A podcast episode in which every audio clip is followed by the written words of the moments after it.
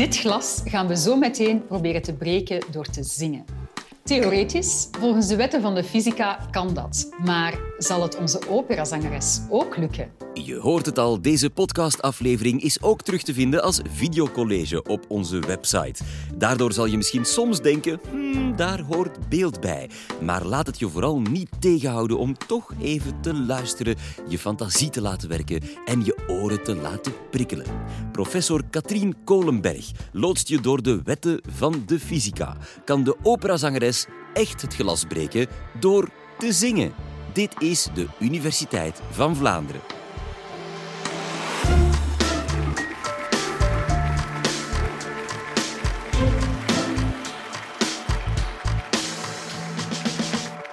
Jullie kennen dat misschien wel hè, van stripverhalen of tekenfilms, dat er een operazangeres is en die zingt heel luid en heel hoog en heel mooi en plots barsten alle glazen in de glazenkast. Nu, kan dat echt?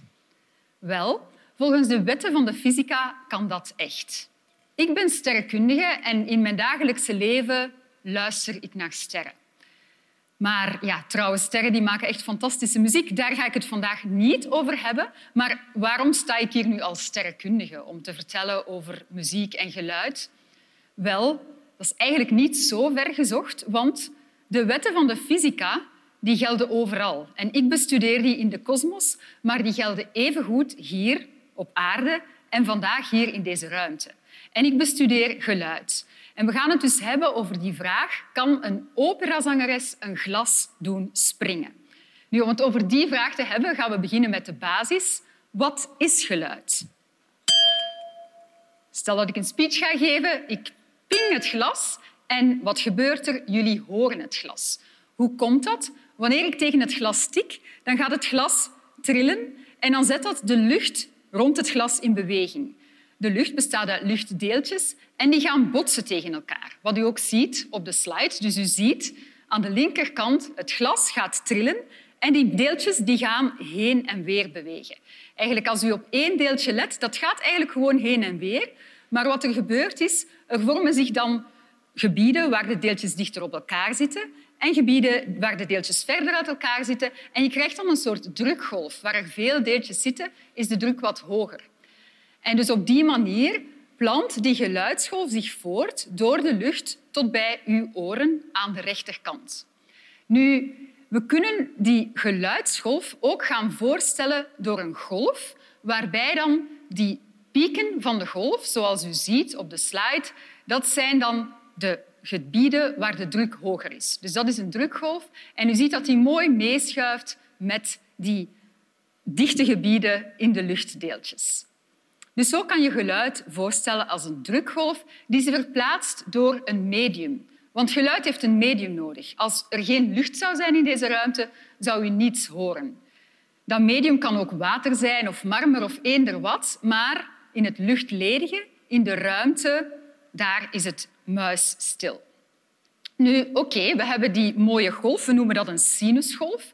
Die is zo'n mooie ronde golf die je heel goed mathematisch, wiskundig kan beschrijven. En de eigenschappen van die golf, daar kunnen we nu meer uit afleiden over geluid. Want geluid kan verschillende eigenschappen hebben. Als ik bijvoorbeeld dit glas ga aanslaan of dit glas, u hoort, dat klinkt heel anders, nietwaar? Het ene glas klinkt wat hoger dan het andere glas. Nu, de toonhoogte, hoe hoog zo'n glas klinkt, hangt samen met hoe snel zo'n glas gaat trillen. Dus nu gaan we het hebben over trillingen. En dat kan ik heel goed illustreren met deze slinky. Maar daarvoor heb ik een assistent nodig. Is er hier een vrijwilliger in het publiek? Ja? Kom maar. Dank je wel. Hoe heet jij? Dag Joram. Kan je mij eens helpen? Nu, je hebt waarschijnlijk al met een slinky gespeeld. Je kan die in beweging brengen en probeer eens ervoor te zorgen dat je één mooie golftop ziet. Ja. Dus hier, nu beweegt Joram met een bepaalde snelheid en je ziet heel mooi zo een halve sinusgolf. Nu kan je een beetje versnellen. Ja. U ziet, hij is versneld. Hij gaat nu twee keer zo snel en nu zie je twee golftopjes. Probeer eens nog sneller te gaan. Nu zien we nog meer golftopjes. Dus wat u hier ziet, is hoe sneller de trilling, eigenlijk hoe sneller je gaat trillen, hoe meer golftopjes je ziet. En dat komt overeen met die frequentie. Dus hoe meer golftopjes je ziet, hoe hoger de frequentie, hoe hoger de toonhoogte. Dank je wel. Een applaus voor Joram. Dus die lage toon die gaat, dat gaat een drukgolf zijn met golftopjes die wat verder uit elkaar liggen. En een hoge toon gaat golftopjes geven die dichter op elkaar liggen. Je kan dat ook weer gaan beluisteren. Nu, zo'n sinusgolf, hoe klinkt dat? Ik heb hier een toongenerator en ik ga... Zo klinkt een sinusgolf.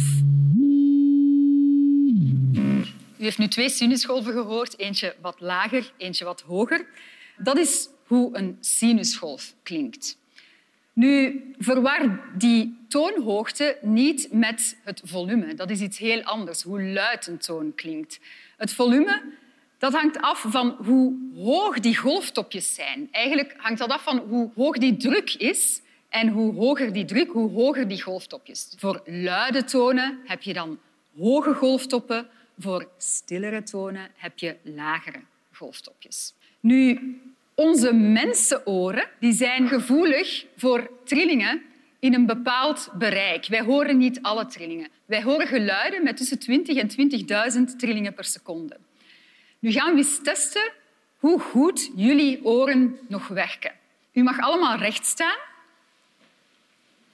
En ik ga met deze toongenerator de frequentie opdrijven. Vanaf 20 ga je waarschijnlijk iets, waarschijnlijk iets horen. En dan gaat dat naar boven gaan, naar 8.000, 10.000, 12.000. En op het moment dat je niets meer hoort, mag je gaan zitten. Oké? Het is vrij luid, dus u mag ook uw oren dicht doen als u last heeft van het volume, van de amplitude van de trillingen. Oké, bent u er klaar voor?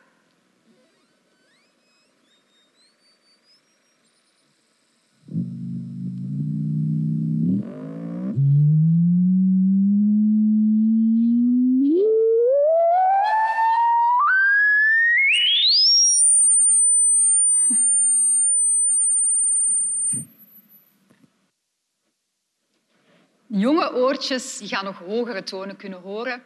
Als je dit experiment vaak gedaan hebt, dan uh, gaat het meestal wat minder goed. Dus nu staat het veel te hoog, nu kunnen we het niet meer horen. Oké, dus dat is wat we kunnen horen. Dat is het hoorbare bereik. Natuurlijk voor mensen die al langer leven, wiens oren al langer zijn meegegaan, gaat dat hoorbare bereik meestal wat naar beneden. Dus dat zijn twee eigenschappen van geluid die heel belangrijk zijn om te begrijpen waarom een operazangeres in principe een glas kan doen springen. We hebben die basisprincipes nu, maar om echt te komen tot waarom, moet ik nog een aantal andere zaken uitleggen. En een eerste zaak is de eigenfrequentie. Nu, stel dat ik een speech wil geven en ik laat dit glas trillen. Dat glas heeft een heel bepaalde klank, een bepaalde toonhoogte. Nu, elk voorwerp, waaronder dit glas, gaat eigenlijk trillen in de favoriete frequenties. De favoriete snelheid van trillen. En voor dit glas is dat deze bepaalde toon. We noemen dat de eigen frequentie van het glas. Nu, niet alleen een glas heeft een eigen frequentie, ook andere dingen. Bijvoorbeeld een stemvork. Ik heb hier twee stemvorken staan. En wanneer ik deze stemvork aansla, dan hoort u een toon. Deze stemvork trilt 440 keer per seconde. Dat komt neer op een la. Dus u hoort een mooie la.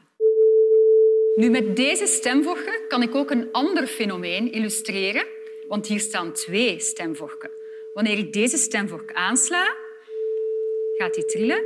Wanneer ik deze dan demp, door er gewoon door te stoppen, dan hoor ik deze stemvork nog meetrillen. Deze stemvork trilt mee. Dat is wel gek, want ik ben daar niet aan geweest. Nu, waarom trilt hij mee? Die trilt mee omdat, wanneer ik deze stemvork doe trillen, 440 keer per seconde, dan gaat hij de luchtdeeltjes in beweging brengen die gaan trillen aan exact die 440 keer per seconde. Die geluidsgolf die transporteert zich door de lucht naar vrij dichtbij, naar die tweede stemvork, en die gaat meetrillen. En dit is een fenomeen, dat noemen we resonantie. Deze stemvork heeft ook een eigen frequentie, een favoriete trilling van exact 440 trillingen per seconde. En dat kan je dan horen. Stemvorken vertonen resonantie, muziekinstrumenten vertonen resonantie, maar er zijn ook andere objecten die resonantie vertonen. En bijvoorbeeld dat zijn gebouwen of bruggen. En er is het beroemde verhaal van de Tacoma Narrows Bridge, een brug, een hangbrug in Amerika, die in 1940 werd gebouwd. En niet zo lang na het bouwen was er wind en die brug die ging aan het slingeren. Exact in haar eigen frequentie. Dus de belasting door de wind was eigenlijk exact gelijk aan die eigen frequentie, waardoor die brug heel enthousiast ging meeswingen. En uiteindelijk kon die brug dat niet houden en stortte ze in. Dus een mogelijke verklaring hiervoor is die resonantie, is een gevaarlijke resonantie natuurlijk. Want wanneer zo'n object gaat in resonantie gaan, dan gaat dat heel enthousiast meetrillen en gaat die amplitude gaat die toenemen tot eventueel het object gaat breken. Nu gaan we terug naar dat glas, want eigenlijk zouden we dat heel graag willen laten breken door resonantie. Nu, kan een menselijke stem dat? Hè? Deze klank, die hoor je heel goed. En onze menselijke stem ligt in dat hoorbare bereik. Dus ik zou kunnen proberen om dat glas te doen trillen. Je zou kunnen zeggen, misschien kunnen we doen zoals bij die stemvorken, want daar had je één toon, die andere stemvork die begon ook mee te trillen. Nu zou ik dat kunnen proberen met mijn stem. Alleen is die klank van dat glas niet exact hetzelfde als de klank van mijn stem. Maar je hoort een bepaalde hoofdfrequentie, een hoofdtoon, en die kan ik proberen na te bootsen met mijn stem. Dus ik ga dat proberen.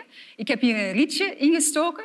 Dat is om jullie te laten zien als dat glas meetrilt, gaan jullie dat rietje eventueel ook zien bewegen.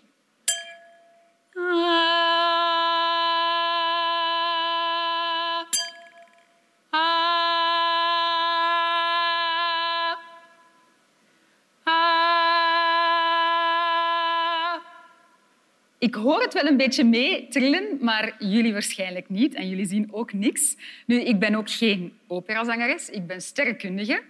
Maar gelukkig hebben wij hier een operazangeres in de zaal, Valeria. Wordt u vaak gevraagd of u dit kunt laten breken, zo'n glas? Nee. Oké, wilt u het proberen? Ja, ik ben benieuwd. Ja? Uh, misschien, u zingt beter dan ik, dus u kan dit misschien opzetten.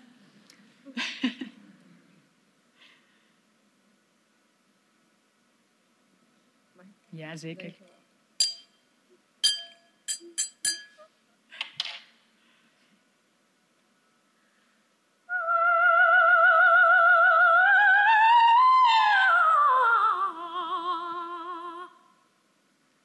Nog niks, hè? Misschien nog eens?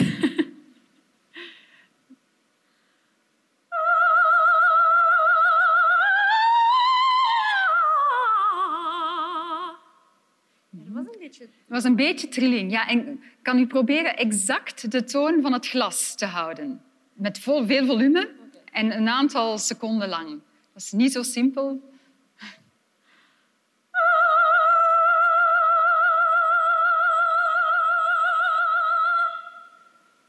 Ja, ik zeg het een beetje. Een beetje. Een beetje, Een beetje ja? Ja.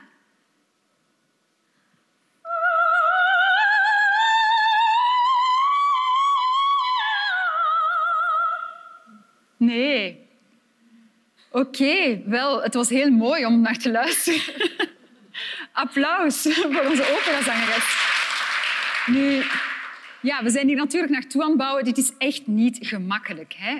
Er zijn al veel experimenten gebeurd. Nu, hoe kan je dit doen? Waarom is dat niet gelukt? Omdat die eigen frequentie die zo specifiek is dat het heel moeilijk is om die lang genoeg exact aan te houden. Zelfs voor operazangeressen is dat moeilijk. En wat natuurlijk ook meespeelt, is dit glas. Glas is vrij stevig. En wanneer zo'n glas in resonantie gaat, dan gaat dat heel enthousiast meetrillen. En wanneer het echt in resonantie is, gaat die amplitude, die, die, eh, die trilling gaat toenemen. En op een bepaald moment gaat dat glas gewoon barsten. Maar daarvoor moet het wel al een tijdje aan de gang zijn of moet het echt heel enthousiast meteen gaan mee trillen met een luide trilling. Nu, wat zouden we nog kunnen proberen? De operazangeres die is er jammer genoeg nog niet in geslaagd om het te doen, maar we hebben hier ook die toongenerator.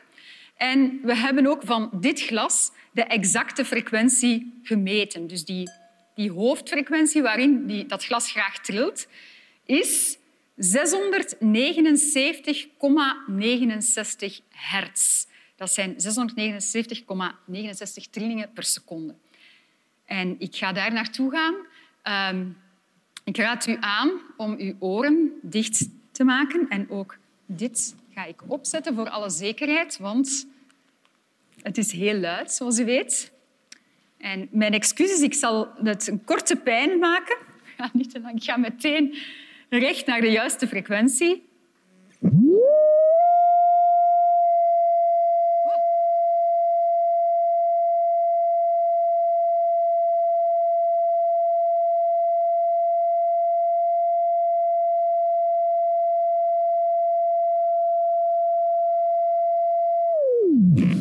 Ik uh, weet niet of jullie het hebben zien trillen. Ik heb het rietje wel degelijk zien trillen maar ik wou jullie oren sparen. Uh, het is dus niet gelukt om het glas met deze toongenerator te doen springen. Dat is wel jammer. Hè? Nu, bij de Universiteit van Nederland hebben ze dat onlangs ook gedaan. En daar is het wel gelukt, eigenlijk sneller dan verwacht.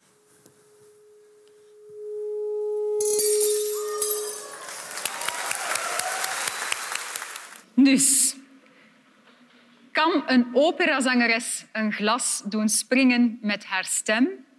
Ja, volgens de wetten van de fysica zeker en vast. Maar het is echt heel moeilijk. Wat jammer dat dat niet gelukt is, maar blijf het thuis zeker proberen. En vergeet je veiligheidsbril niet. Wie weet lukt het ooit wel eens. Dit was trouwens niet de eerste keer dat Katrien Kolenberg bij ons een college gaf. Ze was ook al eens te gast in podcast nummer 61, waar ze je vertelt of er buitenaards leven bestaat. Heel graag tot daar of tot een volgende keer.